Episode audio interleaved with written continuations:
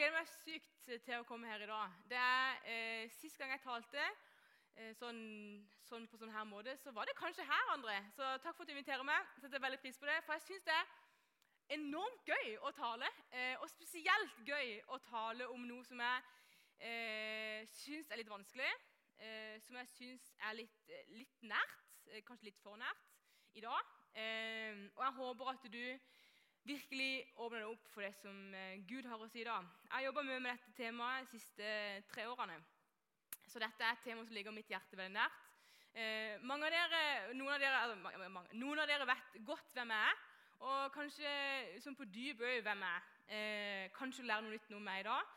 Eh, og eh, vær åpen for det som Gud har å si. Jeg tror han ønsker å si deg noe unikt og noe spesielt, og i hvert fall noe som er viktig. Eh, for dere som ikke vet det, så har jeg, jeg jobb, som Snøv sa, jeg jobba jo som ungdomspastor i, eh, i, fem år i Hånes eh, frikirke. og eh, Deres generasjon Jeg sier det kanskje hver gang, da, men du som er ungdom, du er min favoritt. Jeg er i den generasjonen som jeg synes, kategoriserer som kjedelig. Jeg er voksen. André, du begynner å nærme deg. Der, eh, ja, du gjør det. Eh, så jeg er jo den kjedelige generasjonen. Jeg syns jeg sjøl er kjedelig. Men du som er ungdom åh, du har det, altså, jeg skulle ønske at jeg var ungdom igjen. På en måte, men på en annen måte ikke. Eh, men eh, du er min, min, favorittgenerasjon. For du er alt og ingenting. Du er opp og ned. Du har masse følelser, og så er det plutselig ingen følelser. Og så er alt galt, og så er alt kult. Og så er det, ja, Du er overalt, og det syns jeg er kjempegøy. Derfor jobber jeg på en ungdomsskole med elever der, og det digger jeg. For det, ungdom er jo min favorittgenerasjon. Og det å jobbe med dere det er noe av det jeg elsker høyest. Men det jeg elsker enda mer, det er Jesus. Og jeg skal få lov å fortsette, eller er dette nummer, tale nummer to i taleserien? Ja, Da fortsetter en taleserie om livet er vanskelig. Jeg har dessverre ingen powerpoint, for jeg mista min rettighet til Canva, er et program som lover fete powerpoints. Så jeg ga opp å prøve å gjøre det. Så beklager, dette er old fashion. Eh, så nå, har jeg på en måte, nå skal jeg snakke om håp. da. Eh, jeg vet ikke hvor mye håp du har her du sitter i dag, men jeg håper at på slutten så har du litt mer håp. Men Jeg skal begynne å vise dere en, en, en, en eh, film, en snutt fra YouTube fra Hver gang vi møtes. Eh, der Trygve Skau, som er en anerkjent låtskriver og poet, og alt mulig, som eh, har en cover av Maria Mena sin sang. Du har sikkert hørt den, men tenk litt på hva han sier, og så skal jeg si litt mer etterpå. Da kjører vi.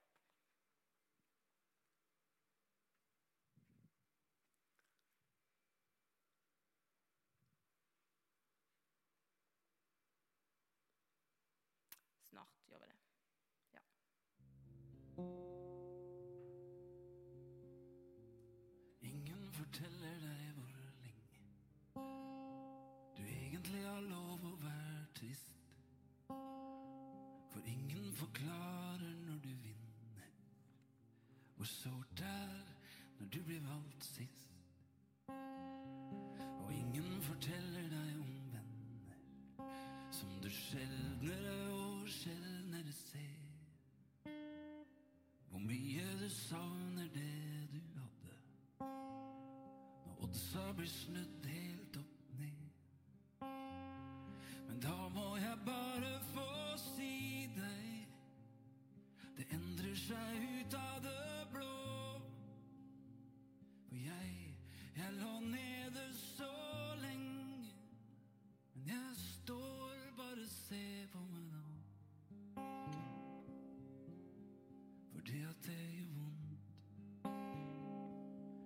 betyr jo ikke at du knekker. Sjøl om det kan svi, så er ikke det for evig. Og det gjør vondt når knopper brister. Det koster smerte, koster slit. Men så vokser noe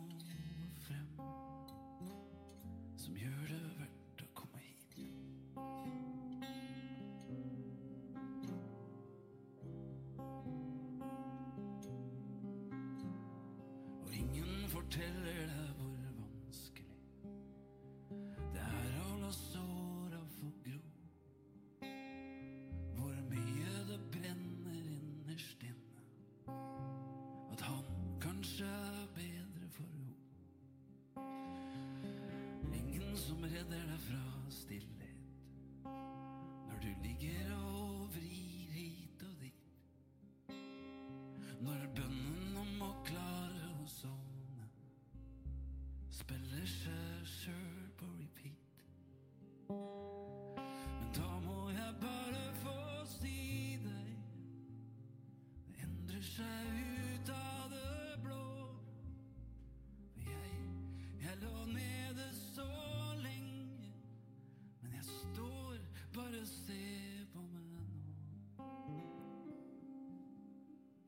det det gjør vondt, betyr jo ikke at du knekker.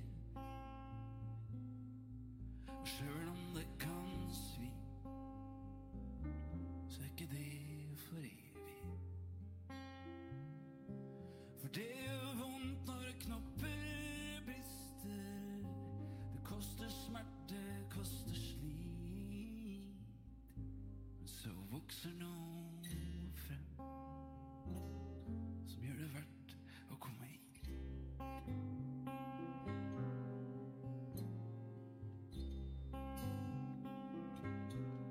Så vokser noe frem som gjør det verdt å komme hit.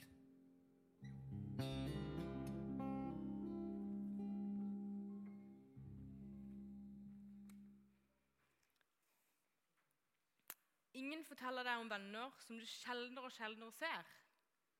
Jeg tror vi alle kjenner oss igjen på akkurat det. Hvor mye du savner det du hadde.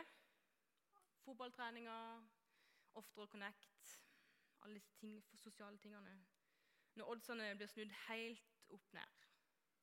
For det, betyr, for det at det gjør vondt, betyr jo ikke at du knekker. Selv om det kan svi, så er ikke det for evig. Det gjør vondt når, kropp, når knopper brister. Det koster smerte, det koster slit. Men så vokser noe fram som gjør at det er verdt å komme her. Håp, det er like lett som det er vanskelig, syns jeg. Håp det gir meg ny energi. Altså Bare ordet håp gir meg ny energi. Men håp, ordet håp, gir meg også en følelse av sånn dyp håpløshet. De siste tre årene så har jeg jobba med akkurat disse tingene. Håpløshet versus håp. Hva skjer når livet ikke ble som jeg hadde trodd? Livet var vanskelig før korona. Og så kom jo søren meg korona, så det ble jo søren ikke enklere. Jeg hater korona. Eh, så det ble jo ikke lettere med korona. Hva skjedde med livet? For å være ærlig så har jeg aldri kjent på så dyp og så enorm eh, håpløshet som det jeg har gjort de siste tre årene. Og jeg ble 33 år. Det var ingen sånn derre Shit, så gammel du er. Jeg vet jeg ser veldig ung ut. Men jeg har aldri, aldri kjent på så dyp håpløshet som det jeg har gjort de siste tre årene. For de foreløpende 30 årene før det syntes jeg livet var en lek. Nummer én, det var ikke korona. Og så hadde jeg det sykt gøy. Altså, Jeg gjorde alt det studenter ikke får lov til i dag. Jeg reiste, jeg hadde masse venner, jeg var student. altså Jeg, jeg levde livet. Det var så sykt gøy å være i 20-årene. Jeg elsker livet. Så ble jeg 30, så var det ikke, det bøygen, da. Mange ting som gjør at eh, de siste tre årene har vært vanskelig. Og Det er altså rart å tenke på at eh, håpløsheten, at jeg lot også håpløsheten få så enormt mye plass. Og at livet som jeg hadde sett for meg, kanskje ikke ble som jeg hadde tenkt. Og håpløsheten den ser ulik ut. Så min håpløshet er ikke lik som din. Men vi kjenner alle, alle vi mennesker, vi kjenner alle på en håpløshet før eller senere i livet. Det tror jeg vi bare må innse. Og Håpløsheten kan komme i mange ulike varianter og fra ulike ting og fra ulike årsaker. Og Når jeg sier ordet håpløs, helt så får du kanskje en følelse eller en tanke inni deg om hva det er for deg. Bruk to sekunder nå på å tenke på hva er det som gir deg en sånn bunnløs Nå skal vi ikke gå inn i et sånt mørkt sted, da, men, men kjenn på det. Hva er det i deg som gjør, eller hva er det situasjonen eller årsak som gjør som at det, tenker nei, her er det faktisk ikke noe håp. Det er helt bunnløst håpløst. Kjenn på det. Gjennom denne talen. Hold på den følelsen. Om den surrer i maven, i hjertet, eller om eh, den går gjennom hele kroppen som sånn elektrisitet, eller om det er bare en tanke. Kjenn på den. Ha, det, ha den følelsen framme. Um, håpløsheten i seg sjøl er ikke farlig, syns jeg. Men når den blir langvarig, som i disse tre årene mine, så la, jeg lot den vokse. For den får vokse når du lar den være der. Og når han får grobunn, så kan han gjøre mer skade enn det du sjøl ville tenkt eller trodd. Eller så får det. Det skjedde med meg. Så her er en historie fra Bibelen. Og her, som du ser, så har jeg ikke med meg Bibelen, men jeg lover at jeg har, jeg har det her. Eh, det er, en, historie som heter 'Sønnen som kom hjem'. Og En liten parentes her. Cezinando, som er en norsk eh, artist, han har skrevet en sang som heter 'Jeg håper du har plass'. eller 'Håper du har plass'. Hør på den sangen og les den historien, så ser du at de har veldig mange likhetstrekk. Det er litt interessant. Det var en parentes. Eh, skulle nesten tro at han skrev denne sangen etter han hadde lest i Bibelen. Eh, men sønnen som kom hjem. Jesus sa en mann hadde to sønner. Den yngste sa til faren, 'Far, gi meg den delen av formuen som faller på meg.'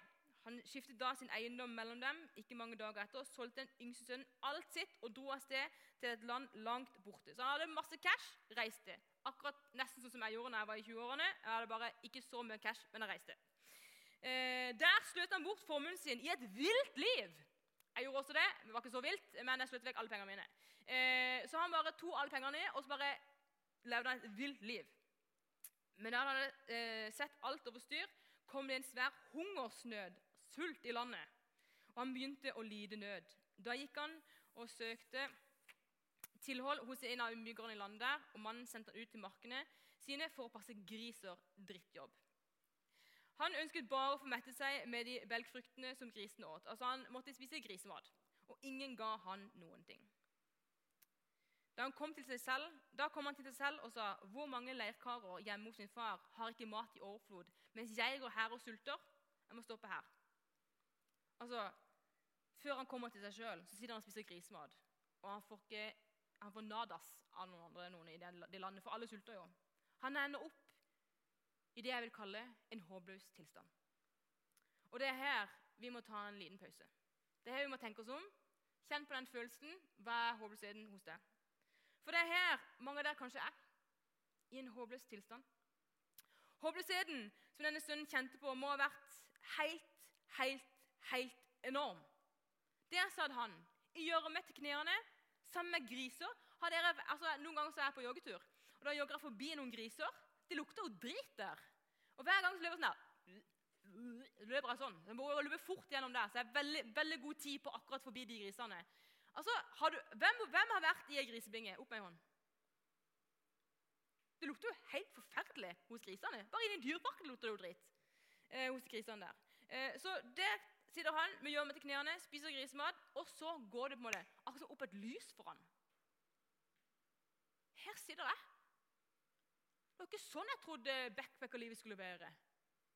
Det var ikke sånn jeg trodde at alle de pengene jeg hadde fått av pappa, det var ikke sånn jeg så for meg livet skulle bli. Akkurat som at han vogner opp for en drøm, bare, så sitter han plutselig der og bare Hva skjedde nå? Er det mulig? Åssen havna jeg her? Åssen skjedde dette? Hva skjer? Altså, har jeg prøvd å oversette dette til, da, til dagens situasjon. Hvis du på en måte fikk en sånn opplevelse. Så Det kan godt være at jeg tar feil, du får rette på meg i ettertid, men det er sånn jeg, det, er nå jeg, jeg kjenner på at alderen min ikke strekker til, og at kulheten min er vekke. For da har jeg skrevet, vi skulle oversette til dagens samfunn, så har det kanskje sett sånn her ut. TikTok-kontoen din ble hacka, og du mister alle draftsa dine. Altså De 1000 timer du har dansa, de går vekk. Du kan ikke hente opp draftsene dine. eller hva det er da. Du mister følgere på Instagram. André, du mister jobben din. Du krangler med foreldrene dine. Det har vi alle gjort. Vennene dine svikter. Det har vi følt. Ingen tar kontakt med deg. Du, det, og det kommer et livsfarlig virus, ikke minst, og verden stenger ned. Det er det du kjenner når du sitter på rommet ditt alene og ensom, kanskje litt redd, og tenker Hva skjer nå? Under den første lockdownen Hva da? sa jeg og tenkte. Hva skjer nå? Går verden under, liksom? Hallo? Det var ikke her jeg trodde verden, eller livet mitt skulle ta meg. Hva gjør jeg nå? Kanskje du sitter og tenker det. Og der er du ikke alene. Og Det var ikke bare den der sønnen som satt i grisebingen som kjente på en håpløshet. Men det gjør kanskje du òg. Og det gjør jeg også. Der er vi sammen. Der er vi i samme båt. Men tilbake til denne grispingen. da. Han kommer til seg sjøl. Det går på et lys for han. Akkurat som at han forstår noe. og Så sier han da jeg vil bryte opp og gå hjem til min far og si 'Pappa, jeg har vært en skikkelig eh, Her står det 'Far, jeg har syndet mot himmelen og mot deg'. For å si det litt mer på mitt språk jeg har dritt meg skikkelig ut. Sånn her loddrett ut. Jeg har gått på en skikkelig smell. Og jeg fortjener ikke lenger å være sønnen din. Så kanskje jeg kan være en av tjenerne dine, da, fordi jeg vet jeg har det bra. Og Dermed så reiser han seg opp og drar hjem til faren. Og Da han enda var langt vekke, langt vekke fikk faren se han. Han fikk inderlig medfølelse med han, og han løp sønnen i møte og kastet seg om halsen på han og kyssa han. Det er på en måte slutten, slutten på historien. da. Så faren har venta og venta og venta og venta på at sønnen skal komme hjem. Endelig kommer sønnen gående langt, langt, langt der vekke. Og så er det sånn, sånn et perfekt instavennlig øyeblikk. Der faren løper, og det er slow-mo, og det er, eh, altså det er, fine farver, og det er sikkert sånn cotton candy-himmel i bakgrunnen, og det er bare perfekt. Så kommer faren så kommer sønnen, og så klemmer de hverandre, og det er bare dritgod stemning. Han får en ny jakke, han får freshe sko, og de får noe skikkelig bra mat. Kanskje de bestiller noe fra den nye donutsjappa i byen. Det er god stemning. Alle er glade. De griner kanskje litt. En far og en sønn blir gjenforent. Det er jo en fin historie. Realiteten er at eh, du kan oppleve den historien. Det er realiteten. Den sønnen han kjente på et, en enorm håpløshet og så ble det til et håp. For han ante et lite håp om at hvis han bare kunne være en tjener hjemme hos faren sin, så ville det bli på en måte ok. Men håpløsheten går fra et, til et ørlite håp til et sånn enormt håp når han møter pappaen sin. For pappaen han vil ikke at sønnen skal være en tjener. Han vil at sønnen skal være en sønn. Kom an da, Du er jo min sønn, sier faren. Du skal ikke være en tjener, du skal være min sønn. Kom an, Du skal få nye sko, nye klær og mat, og det skal være konge. Det er god stemning. Her tuller vi ikke. Er du min sønn, så er du min sønn. Kom an! Sånn er det med du og meg også. Og Du sier det kanskje her, kanskje håpløs. Og Denne historien her var til ingen nytte. Men hør nå her, da. Du kjenner kanskje på en håpløshet. Du ser ingen lys i enden av tunnelen. Ta, Lukk øynene litt. La skuldrene senke seg, og hør på det jeg sier nå. Føl som du sitter med klumpen i maven og skuldrene dine som prøver å snike seg oppover fordi du er så anspent. Det er helt lov å kjenne på håpløsheten. La skuldrene synke litt igjen. Livet kan være skikkelig vanskelig av og til. Og akkurat nå kanskje vanskeligere enn noen gang. Så jeg håper at du vet at om du ikke har det bra hele tida, så er det helt greit. Det er lov å kjenne på håpløshet, det er lov å kjenne på ensomhet. Og det er lov å la tårene renne nedover kinnet ditt. Det er lov å legge seg ned og puste midt i ei treningsøkt. Det er lov å høre på musikk som hjelper deg til å løsne opp følelsene dine. Det er lov å ringe en venn for å spørre kan du bare si at du er glad i meg. Du har lov til å være et menneske. Midt oppi ensomheten og håpløsheten din, så ønsker jeg at du skal holde fast. Ikke gi opp. Vær så grei. Ikke gi det. Akkurat som sønnen i historien, han ga ikke opp. Han reiste seg. Du kan åpne øynene igjen. For jeg har noen gode nyheter til deg. Det er håp. Det er så sykt mye håp i vente for deg. For det er mennesker rundt deg, kanskje noen sitter faktisk ved siden av deg nå, som trenger det. De hjemme, de trenger det. Dette fellesskapet her trenger det. Hvis ikke du hadde vært der, så hadde det vært en stol som hadde vært tom. Du betyr noe. Akkurat som at den sønnen betyr alt for denne pappaen i denne historien, så betyr du alt for vår far i vår himmel. Du betyr alt. Liksom. Det er ikke bare litt, men du betyr alt. Du har en enorm verdi. En enorm verdi. Og Det at du er her i dag, det er viktig. Det er mennesker som trenger det. Det er mennesker som lengter etter å møte deg, som treffer deg, som er glad i deg, og som bryr seg om deg. Gud han ønsker deg, han skapte deg for dette livet, selv om det kan være bunnløst håpløst. Grusomt vanskelig. Så skapte han deg for å leve, og han skapte deg kun fordi han ønska å elske deg. Kun for det. Og han ofra sin eneste sønn for å kunne gjøre det. Selv om det ser ut som at det ikke er håp, og så står jeg her og sier at det er håp, den pakka der, så kommer Gud med håp til en håpløs verden. Og det gir meg håp. At Gud kommer med håp til en håpløs verden. At Gud kommer med fred til en rastløs verden. At Gud kommer deg i møte. At Gud kommer meg i møte.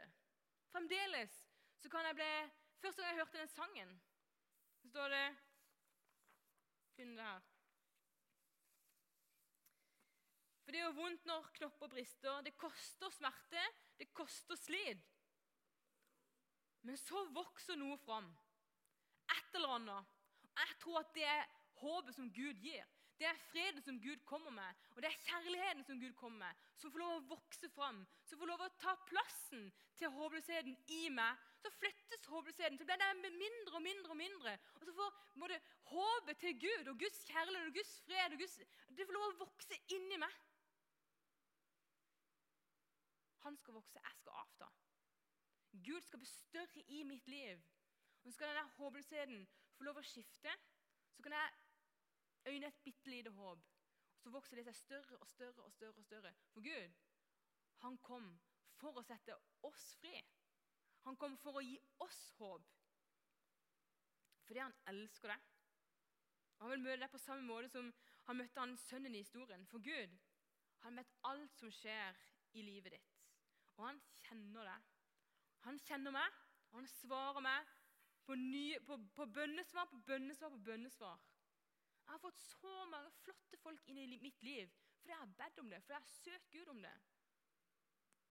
Selv om det er korona, selv om vi ikke kan ha et fellesskap, selv om vi ikke kan treffe så veldig mange, allikevel så møter Gud meg. Allikevel så kommer han med håp. Gud kommer oss løpende i møte. Han vil møte deg på samme måte som han møtte sønnen i historien. Du betyr noe. Du er enormt viktig. Og du har en verdi. Vi kan si det om og om igjen. Noen ganger så må vi kanskje gå bak der og bli bedt for, for at vi virkelig kommer inn på innsida. Det er, det er håp, folkens. Selv om det er en sånn håpløs tid, så er det håp. Jeg vil avslutte med et bibelvers og en bønn for dere. Og Det bibelverset står i Johannes' åpenbaring, eh, kapittel eh, 21, vers 4. Og Du kunne også lukke øynene her, for dette her er et, et enormt fint bibelvers. Og hadde Nei, jeg skal ikke si det. Jeg angrer på at jeg begynte på 'hadde'. Men uh, vi, vi, fortsetter. Uh, han skal tørke bort hver tåre fra deres øyne. Og sånn der, ok, Kan vi ha en sånn der ærlig greie, da? Hvor mange år har Vi kan bare lukke øynene. jeg skal ikke si jeg heller. Hvor mange av oss har Greni i løpet av koronatida opp med i hånd? Uh, jeg rekker opp hånda bare for å være den som går først ut her. Kan ned hånda igjen. han skal tørke bort hver eneste tåre. Og det kjenner jeg. Bare der er det håp. Bare der øyner jeg et lite håp om at det kommer til å bli bra igjen. Gud sier det. Han skal tørke bort hver eneste tåre. Og døden skal ikke være mer. Jeg er så dritlei av korona som tar liv. Jeg er så dritlei av det, at folk må dø pga. det viruset. Men døden skal ikke være mer. Jeg øyner enda, enda et lite håp til. Heller ikke sorg eller skrik eller smerte. Hvor mange av oss har ikke kjent på sorg i det siste? Eller at vi har skreket ut av frustrasjon og sinne? Eller smerte at vi ikke kan gjøre det vi har lyst til å gjøre? Ikke henge med det vi ønsker å henge med? Eller ikke klare å konsentrere oss på skolen og dritt hjemmeskolen og alt det opplegget der? Hvor mange av oss har ikke gjort det? Men der er det også et lite håp. For det som en gang var, det er vekke. Det er håp, folkens. Kjære far, jeg takker deg for at du kommer med, med håp til oss midt i en sånn håpløs verden og en håpløs situasjon. Du er, du er håpet som kommer. Du lar ikke vente på det. Takk for at når vi søker deg, så stiller du opp. Takk for at du hører våre bønner mer enn det vi tror. Nå ber jeg om at eh, hver og en av de som sitter her inne, får lov å erfare at eh, den håpløsheten og det mørket som vi noen ganger får over oss, at du drar det vekk, det slør, at du løfter det vekk fra våre øyne og fra våre hjerter og fra, vårt, fra vår sjel. Jeg ber om at vi får en lettere hverdag. Jeg ber om at skuldrene som er høyt oppe, at de blir går ned. At vi klarer å slappe av. At vi klarer å chille mer med deg. For du, du er bare verdens beste å være rundt. Takk for at du kommer med din kjærlighet og din fred inn i en verden som er full av kaos. Nå ber jeg om at vi får lov å erfare noe av det håpet som du sier at du kommer med. Jeg at du fyller opp hvert eneste hjerte her inne med ditt håp. Så ber jeg om at eh, ungdommene som er her, at de er tøffe og, eh, og snakker til deg.